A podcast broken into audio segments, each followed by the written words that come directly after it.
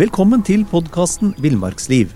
Mitt navn er Knut Brevik, og jeg er redaktør i bladene Villmarksliv, Jakt og Alt om fiske. Jeg har også vært beskjeftiga med å jobbe i disse bladene, Knut. Jeg heter Dag Kjelsås. Ja, og dette er en spesialutgave av podkasten Villmarksliv, som vi kaller for Villmarksrådet. Og det skyldes naturligvis at uh, Villmarksrådet er en spalte i bladet Villmarksliv, hvor det svares på spørsmål fra leserne. Så veldig mange av spørsmålene er hentet derfra. Noen har vi også fått direkte inn, og, vi har hatt god hjelp uh, til å svare på, spørsmålene av Arne Hamarsland, Tom Shandi, Jon Arne Tungen og Andreas Næristorp. Fordi Eh, du og jeg henger jo i eh, Vi henger jo i hvert vårt horn på veggen, Dag. Vi er svært, svært gamle svært, svært vise. Oi, jeg visste ikke det, jeg, Knut. vi, vi, renner over av viten, da, kan jeg si. Ja, ja, ja. Si, si, hva du vil, men vi skal prøve å svare på spørsmålene, i hvert fall. Ja, ja, ok. Da tar vi det første med en gang, og den har fått tittelen Blås i kjerringrådene. Og så følger et par dager ut i fjorårets bukkejakt oppdaget min bedre halvdel en flått som hadde bitt seg fast og begynte å bli halvstor. Hun ville gjerne fjerne den og foreslo enten å brenne bakkroppen på den med en fyrstikk, du verden, eh, eller smøre den inn med olje. Eh, dette skulle få flåtten til å åpne kjevene og slippe taket, påstod hun. Hun mente det var viktig at flåtten selv slapp taket, ellers ville kjevene bli sittende igjen og forårsake infeksjon. Jeg var ikke helt enig, så vi dro til apoteket og fikk tak i en flåttfjerner som minnet om et lite kubein. Denne skulle tres under flåtten, og så skulle flåtten vris rundt til den slapp taket. Det jeg ikke fikk med meg, var om flåtten måtte vris i en bestemt retning. Hva mener dere er den riktige og beste måten å fjerne fastbitt flått på, og da spør jeg deg, Dag, du kalles jo veldig ofte for Flåttdag. Oi!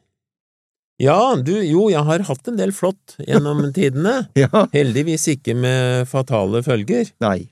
Men altså, vi skal ikke spøke med flåtten, for det, det, er noe av det jeg, Det er noe av det jeg er mest redd for i naturen generelt. Ja. Um, det der med bruk av olje, vaselin, stearin, fett, alkohol videre, det er jo Kall det kjerringråd. Ja. Og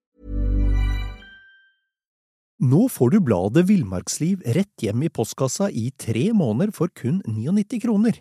Send SMS VILL36 til 2205 og motta bladet allerede neste uke. I'm Sandra, and I'm just the professional your small business was looking for. But you didn't hire me because you didn't use LinkedIn jobs. LinkedIn has professionals you can't find anywhere else, including those who aren't actively looking for a new job but might be open to the perfect role, like me. In a given month, over 70% of LinkedIn users don't visit other leading job sites. So if you're not looking on LinkedIn, you'll miss out on great candidates like Sandra. Start hiring professionals like a professional. Post your free job on linkedin.com/people today. det, det virker egentlig ikke, så glem det. Ja, det kan jo hende flåtten har tørr hud. Ja, men uh, du kan godt gå i skogen og pleie flåtten og, og smøre en knut, men, men altså, hvis du vil bli kvitt flått, så Ja. skal du ta den vekk så fort som mulig fra Ja. huden, og den sitter godt nedi, så det er viktig å prøve å få med hele flåtten. Ja. Og det er i hvert fall viktig at du ikke klemmer på hvis den har suget i seg en del og han er svær og, og, og du ser at han har tatt en del blod fra deg. Ja. Ikke begynn å klemme sammen den, for da spruter du faktisk det som kan inneholde farlige ting inn i blodåra di, eller inn i huden din. Så det er derfor de har lagd pinsetter, og du lo litt av kubein, men det er faktisk en type flåttfjerner som ser ut som et kubein. Mm. Så vitsen er å komme lavt ned der flåtten sitter fast, få strupa sammen der, og så nappe flåtten mest mulig rett ut. Ja. Eh, du kan godt vri, eller du kan dra. Ja. Det viktigste er ikke å klemme på sjølve flåtten. Ja. Eh, en vanlig pinsett som, som buer mye eh, der, der spissene på den går sammen, er helt greit, eller du får kjøpt spesielle pinsetter. Ja, jeg, har brukt, jeg har brukt bare fingra, jeg, eh, og til, til, en viss grad pinsett på de aller minste, disse små nymfene, Ja, for å fjerne dem, men ellers har jeg bare brukt fingra og bare dratt dem rett opp. Ja, men da har du en viss fare for ja, du har, Å ja, du har tre centimeter negler, ja, da går det greit. Nei, men det, det er en viss fare for at du da kan klemme altså den veska inn. Jeg har i nødsfall noen ganger brukt kniven, rett og slett. Mm. Eh, og det har hendt at jeg har blødd ut fordi jeg har skåret meg litt, men det er greit nok. Det er ikke farlig. Eh, og så er det det med å, å få ut restene etter flåtten, så du pirker ut alt. Altså hvis, hvis sjølve den der griperen som sitter fast i huden sitter igjen, så, så må du pirke løs den også. Ja, ja.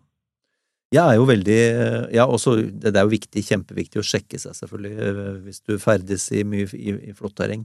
Og gjerne litt sånn kompissjekking òg, for du får jo ikke sett på ryggen din, da. Um, så får kompisen til å se om det har festa seg noe på, på, på ryggen. Du har, på jakt eller fisketur. du har hørt om han elgjegeren som var livredd for flått. Etter jakta så var det hjem til kona, og da jaktlaget kom spaserende forbi der de bodde, da sto han naken oppå bordet mens kona bøyde seg ned og kikka opp og rundt. Det Ja. så litt morsomt ut. Det, det vil jeg tro. Jeg er for øvrig en varm tilhenger av, um, av å ta flåttvaksine. Ja. Eh, Det har jeg gjort. Eh, Angrer ikke noe på det. Det er altså um, to eh, injeksjoner som tas med en eh, to-tre måneders mellomrom. Mm.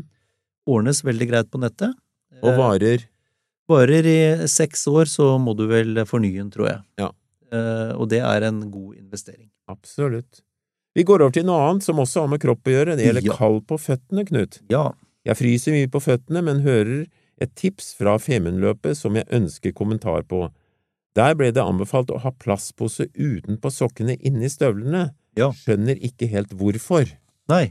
Nei, men hensikten med det, med plastposer utapå sokka, det kan jo være det kan jo være en av to, det. Altså, har du, har du støvler som er lekk, så, så vil ikke fuktigheten trenge he inn til sokka. Um, og, og du holder deg tørr selv om støvelen er våt.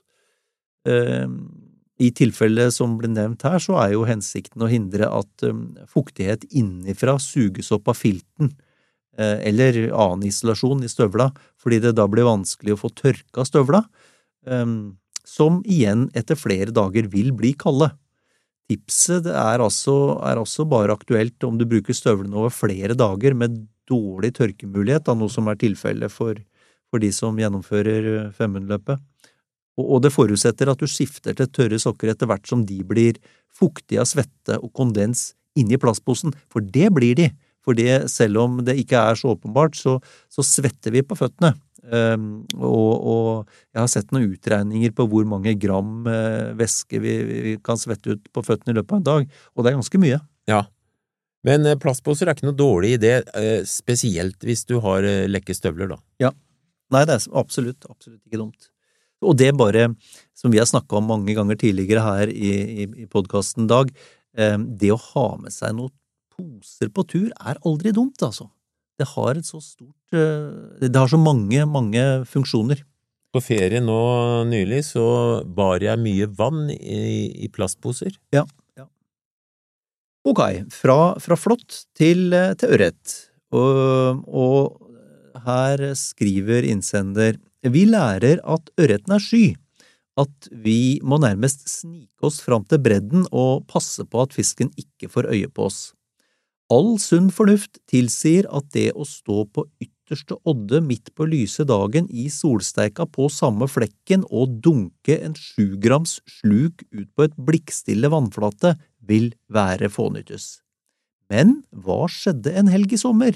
Jo, vi hadde gjester på hytta, og en av dem som aldri hadde fisket i dette vannet, prøvde seg med slukstanga. Gjett hvem som fikk en flott kilosørret? Jeg tenker at det er størst sjanse for å få fisk når det er litt krusning på vannflata.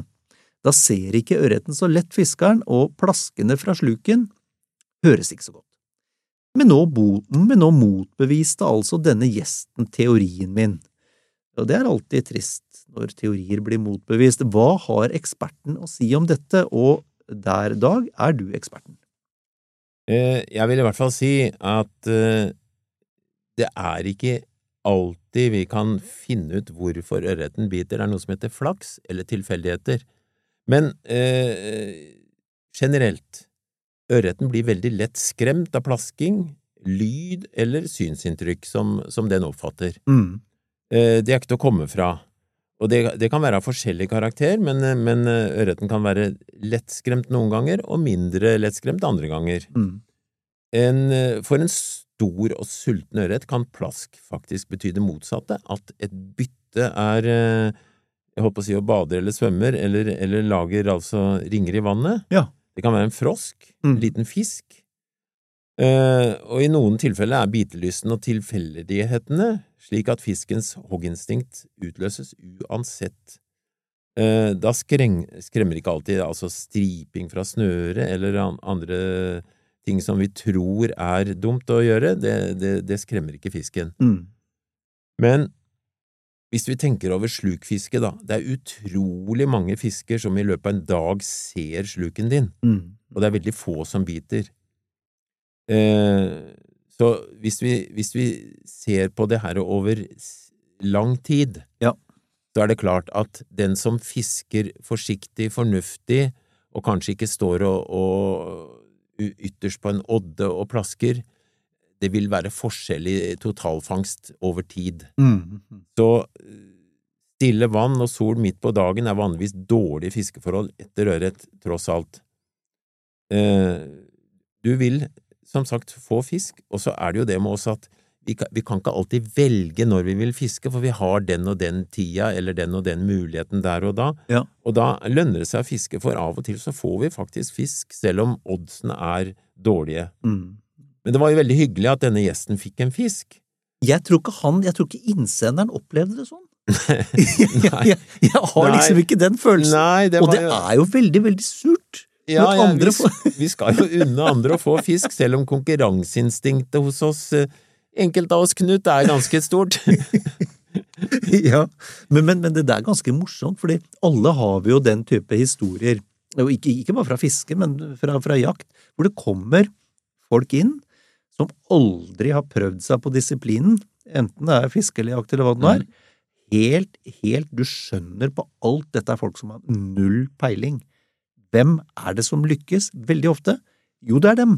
Og da tenker jeg, er det bare fordi vi husker de episodene spesielt, mm, og ikke de tusen andre gangene hvor de ikke får noe, eller er det fordi de gjør noe annerledes som, som funker? Jeg tror det er det at vi husker akkurat de episodene, jeg. Ja, ja, ja. Ta det, lager du en statistisk holdbar undersøkelse, vil du finne ut at det er de beste fiskerne og de dyktigste jegerne som får mest vilt eller fisk. Tror du har rett i det.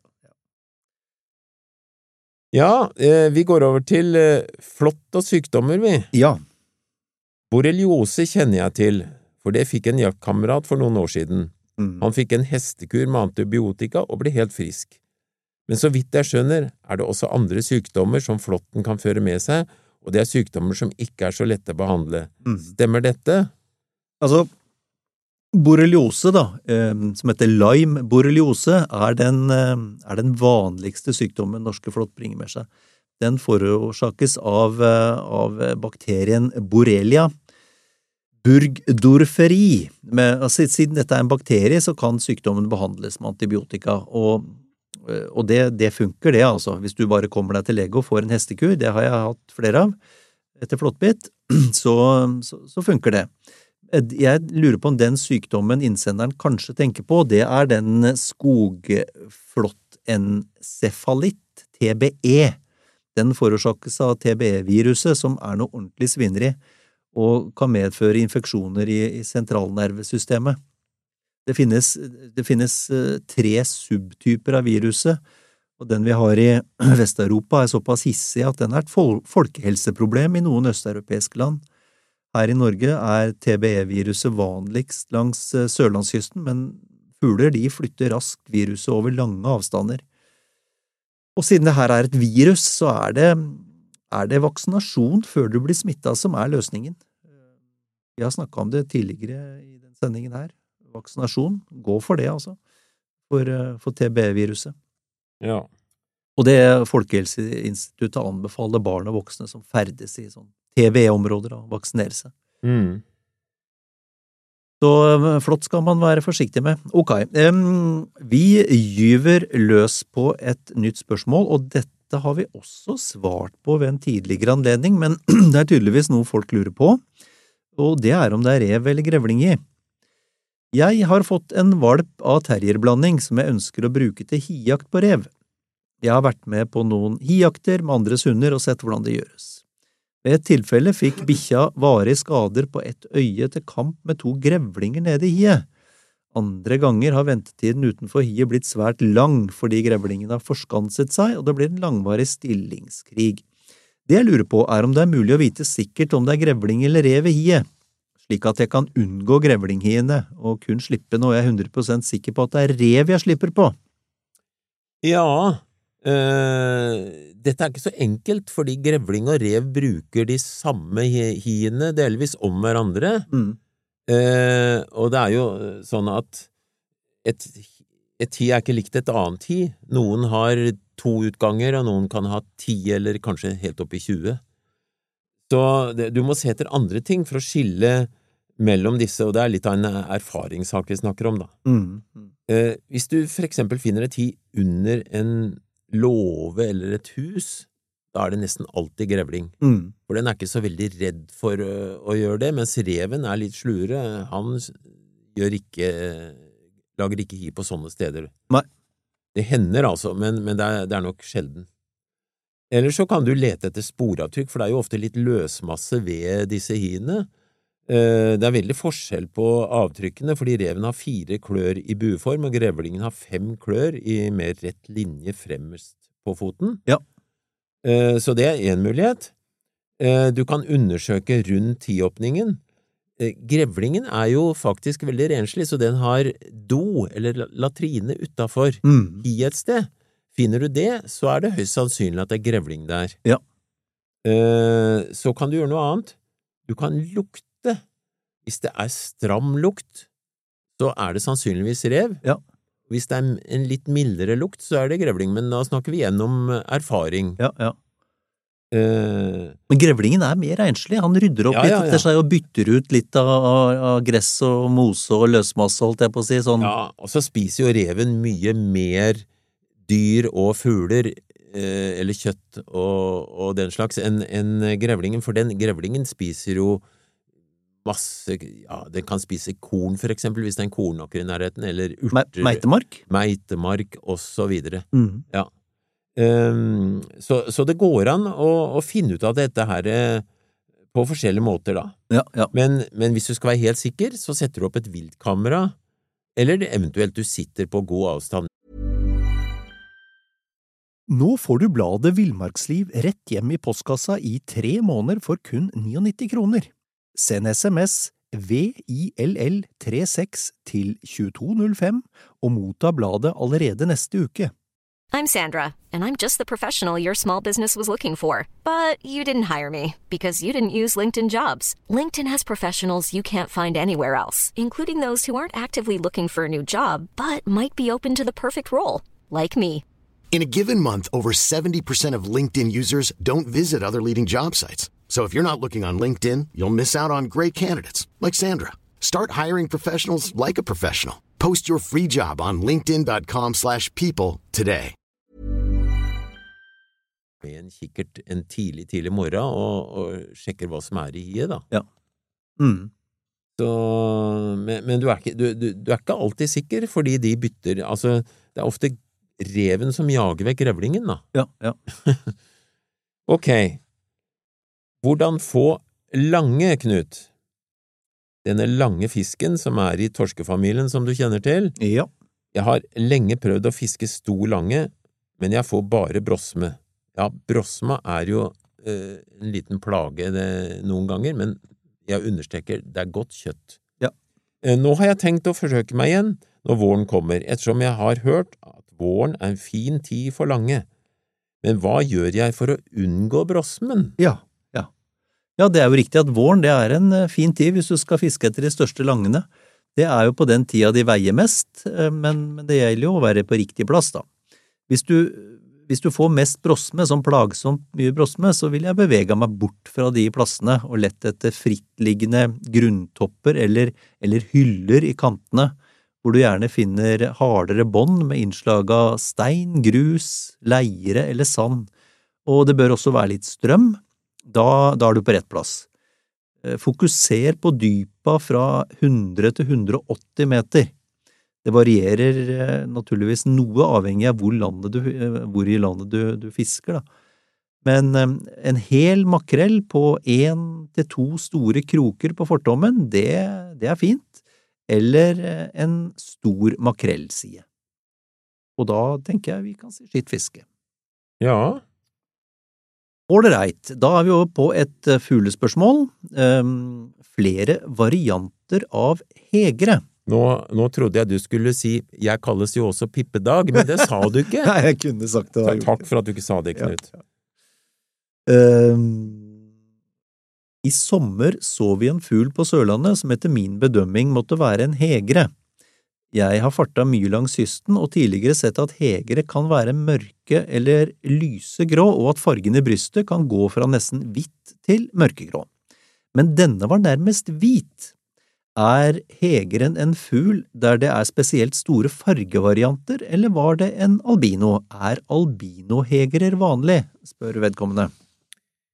Ja, du vet at hegere skilles på at de flyr med, flyr med halsen bøyd innover i en sånn S-aktig eh, form når de, når de flyr, så halsen stikker ikke langt fra, fram, sånn som på trane. Men det var ikke det han spurte om. Nei, men det var veldig fint at du sa det allikevel. Ja, det er fordi jeg kalles hegredag. ja. Eh, eh, Gråheira, som jo er den vanlige, Ja. den varierer litt i farge, alt etter årstid, og om det er en ung eller gammel fugl. Mm. Men når vi snakker om hvite eller veldig lyse fugler, så snakker vi sannsynligvis om enten albino eller en annen art. Eh, Årvis så observeres det jo et tosifra antall egretthegrer hos oss, okay.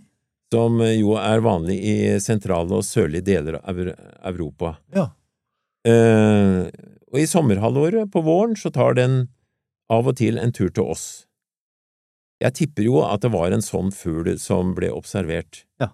Men det kan ha vært en albino.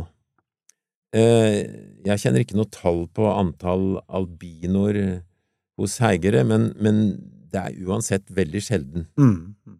Eh, hvis du hadde sett fargen på beina, ville vi hatt svaret for en ekte albino ville hatt lyse bein, mens egretthegra har svarte. Ok. Ja, det skriver han jo ikke noe om, så. Nei, så eh, jeg vil tro at det var egretthegre, for å korte det ned. Ja.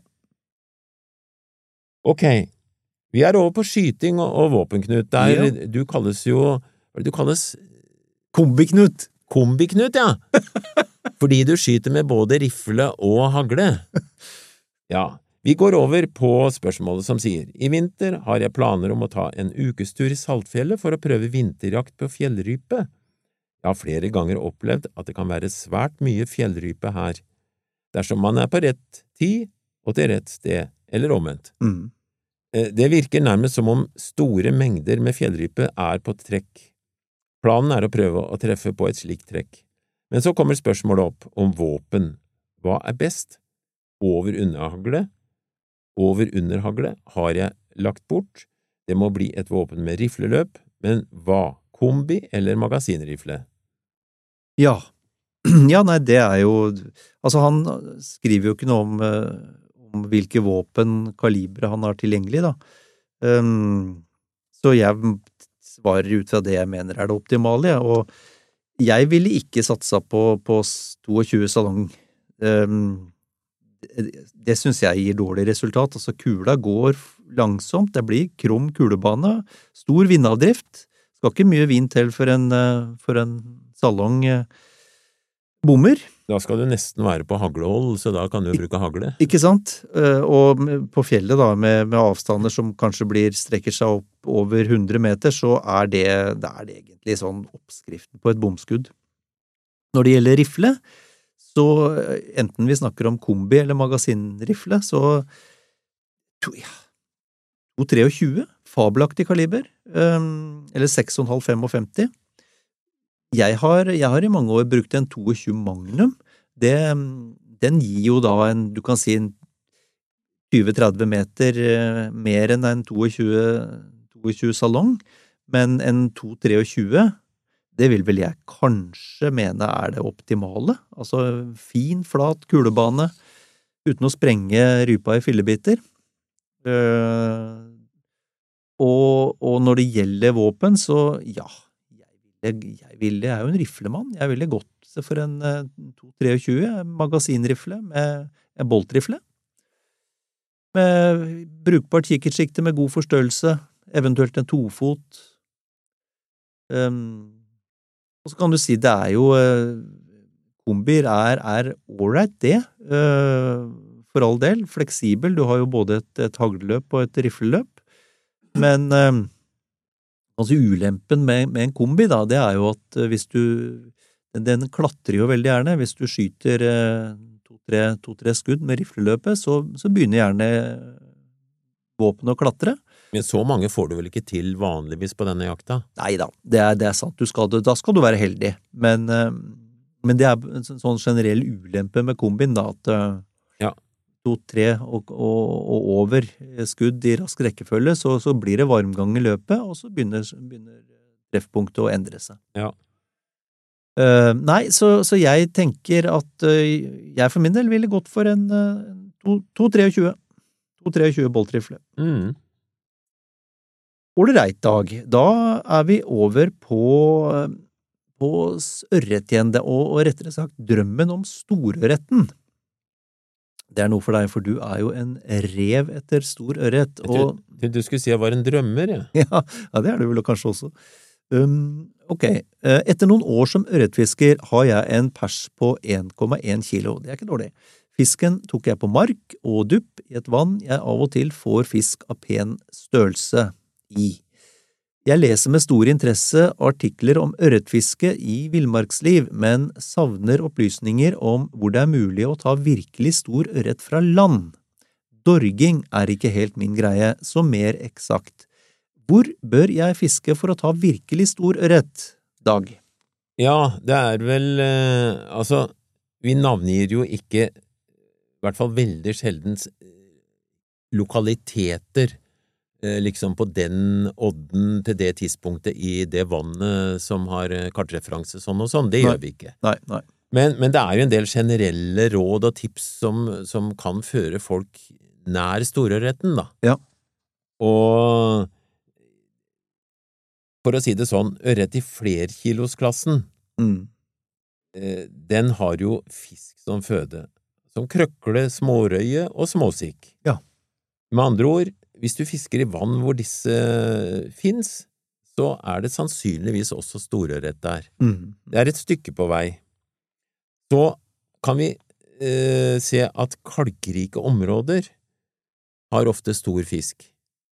Eh, det, det er et steg videre. Hvis vi så ser på kartet, så er det jo faktum at det er noen områder som peker seg ut. Ta Hardangervidda, Femundsmarka, og selvfølgelig Finnmarksvidda. Ja. Eh, nå er vi et stykke på vei. Og du er oppe, hvis vi snakker Trøndelag, nord i Trøndelag, og der også tas det mye stor ørret, altså. Ja, hvilke vann snakker du om, Knut, og når? jo da, det, det fins eh, eh, Snåsa, Lieren og så videre. Det, ja. det, det, det, er mange fine områder. Ja. Men, men eh, hvis du skal ta fiske fra land, og mer presist hvor du bør stå, så vil jeg si at nær elveutløp og innløp, det er generelt bra plasser. Mm. Særlig utpå kvelden. Så vil jeg si at fra midten av august så vil du også kunne treffe disse tidlige gytevandrerne som nærmer seg da elveutløpet i vannet, hvor de da etter hvert går opp i elvene. Eh, fiske slutter jo ofte ut i september, sånn at du da kan fiske også i elva på ørret som skal gyte, men det er jo litt triveligere å få blank, fin ørret som ikke skal gyte det året, som, som da går i vannet. Mm. Uh, om våren treffes også storfisken ofte nær land der det er blitt oppvarma vann. Så hvis du i tillegg ser litt på uh, hvor folk har norgesrekorder eller store fisker som rapporteres, det står ofte området, ikke, ikke vannet, ja. så vil du også kunne lage deg en base for jo, nå, nå, skjønner jeg at jeg vil dra til det området og fiske sånn og sånn. Ja, ja. Eller så kan du snakke med noen som, som er gode fiskere, som kanskje tar deg med på tur, hvis du er heldig. Ja, ja, Men det er jo litt sånn ditt spesiale, er det ikke det, Dag? Eller det veit jeg at du er god til. Du snakker med folk, og så får du tips, og så, og så, og så, hva skal du si, driver du litt sånn detektivvirksomhet videre, og så Ja, du men, du, mener at jeg har ikke vett på å finne noe sjøl? Jo, du gjør jo det òg, men jeg, jeg veit du er flink til å snakke med folk, eh, og da Ja, du får jo en del Ellers tips. hadde jeg ikke sittet her nå. Nei! Snakker til og med med meg. Du, vet du hva, Dag? Ehm, jeg lurer på om vi, vi har tid til ett spørsmål til, og det har jeg også lyst til. Jeg vet at det burde vært meg nå, men det her, det, det kan du en del om. Ja, vi tar annethvert spørsmål, og nå vil du pushe på meg en til? Nå pusher jeg på deg en til. Ja, det er avslutningsvis, Det er greit. Det er greit. da. Ok, For det går på sykling med hund, Ja. Um, og det veit jeg du har gjort mye av. Uh, og det spørsmålet går som, som følger Irsksetteren min er veldig glad i å trekke, og jeg har så smått begynt å sykle med den. Nå er jeg litt skremt av historier om folk som har ramlet av sykkelen fordi hunden har dratt ut til siden eller løpt inn i forhjulet. Spørsmålet er, hvordan bør jeg praktisk innrette meg med lang line? Eh, Spørsmålstegn. Og hvor skal lina festes? Spørsmålstegn. Eh, vi har ikke tid til det, så jeg skal ta kortversjonen. Knut, jeg har tryna. Ja, jeg vet det. Så skikkelig, med to bikkjer foran som kommer rett på fersk rådyrspor. Og, og jeg tenkte i lufta at å, heldigvis, det er jord og vått der jeg lander, og etter det så så jeg ut som jeg ikke var fra Norden, men fra sydligere strøk i Oi, trynet. oi, oi. Ja, nok om det. Eh, det er ingen garanti for at du ikke tryner med hund. Nei, nei. For det, det er jo tross alt dyr, da, og de har ofte lyst til å jakte og gå på spor og så videre, så, så plutselig kan de skjene ut. Ja. Og det bør du tenke på når du sykler, altså hvordan du da har innretta deg. Ikke kjøre for fort, for eksempel. Nei. Men, men, eh, Men du, sa- du sa tryna, eh, vi tar det med en gang. Det er greit å bruke hjelm. Det er ikke, det er ikke, py, det er ikke pysete å bruke hjelm. Nei, nei, absolutt ikke. det, det, det kan jeg skrive under på. Ja.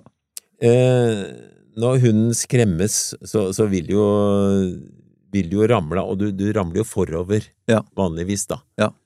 Eh, så Det jeg har brukt mest, er jo å ha hunden ved siden av sykkelen. Ja.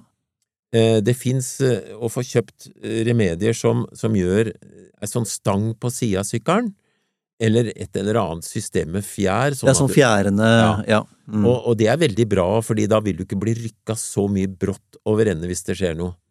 Men, men viktig da at hunden ikke har lengre line enn at han ikke klarer å komme foran hjulet på sykkelen. Mm. Og når jeg begynner med ei bikkje som ikke er vant til det her, så passer jeg på en gang som jeg får tuppa til bikkja skikkelig med forhjulet, ikke skaden, men bare skremme den litt. ja, Da skjønner bikkja nei, hold deg unna hjulet. Ja. Og da, det holder med en gang Ok. og det er veldig lurt. Uh, og så uh, kan du da dra det videre hvis du er tøff, sånn som i trekkhundmiljøer. Da er det vanlig å bruke strikkline, for da, da trekker jo dyret veldig kraftig i tillegg. Eh, hvor du da fester denne rundt setet, for eksempel, og legger lina midt på styret. Ok. Eh, og håper på det beste, at, at bikkja løper rett fram. Ja. Eller kanskje du har ei bikkje som er ganske trygg, som bare løper rett fram, da. Eller du har kontroll på kommando i forhold til eh, høyre, venstre og rett fram. Mm. Eh, den lina festes rundt setet, og, og det er også en mulighet, men ellers så kan du også feste rundt setet hvis du har bikkja på sida av deg. Det blir litt vanskelig med, med da lina som kommer borti låret av og til, men du kan eksperimentere litt med det. Men det er litt lurt å ha festepunktet lavt på sykkelen, for da vil det ikke bli dratt sånn brått sideveis eller eh, over ende. Du blir, blir, det blir eh, dratt eh, Hjula på sykkelen blir dratt, på en måte, da Ja, skjønner. Mm. for du holder balansen eh, og, retningen.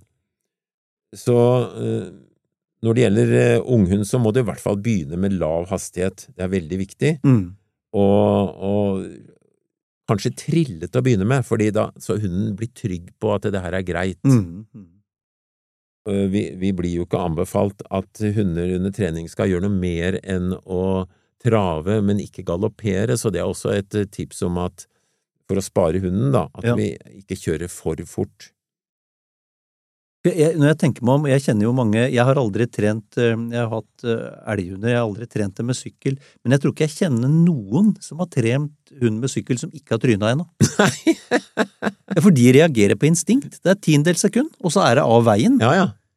Og da er det bare å forberede seg på en, en tøff landing, da. Og det, det, det, det vil jo også da være sånn at du tenker litt på hvor du sykler, altså hvis det er en innmari skrent eller svær dump på ene sida, så kan du godt holde deg litt tryggere mot midten av veien eller mot andre sida, da. Ja, ja. Så det er en del sånne ting du kan tilpasse, og ikke minst, som sagt, farten. Mm. Så, og hvis du for eksempel møter andre med hund, så kan stopp helt opp. Ja, For det hender jo bikkjer skal krangle, eller snakke med hverandre, eller snuse, eller hva det er. Mm. Og, og da, da er det heller ikke sånn at du klarer å hindre det hvis, hvis hunden er av rette typen, og, og da er det bare å stoppe og roe hunden, og så kan du sykle videre når de har passert hverandre. Ja, ja. Veldig bra. Um, bra, da tenker jeg vi egentlig bare ønsker folk en strålende uke, enten de har tenkt å sykle med hund eller ei. Ja, og ikke tryn. Nei, ikke tryn!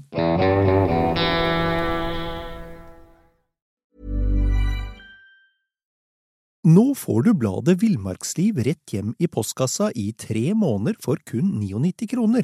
I Villmarksliv kan du lese om norsk natur, ærlige tester av klær og utstyr, og mange gode turtips skrevet av erfarne friluftsfolk, fiskere og jegere. Send SMS VILL36 til 2205 og motta bladet allerede neste uke. Lev livet villere med bladet Villmarksliv.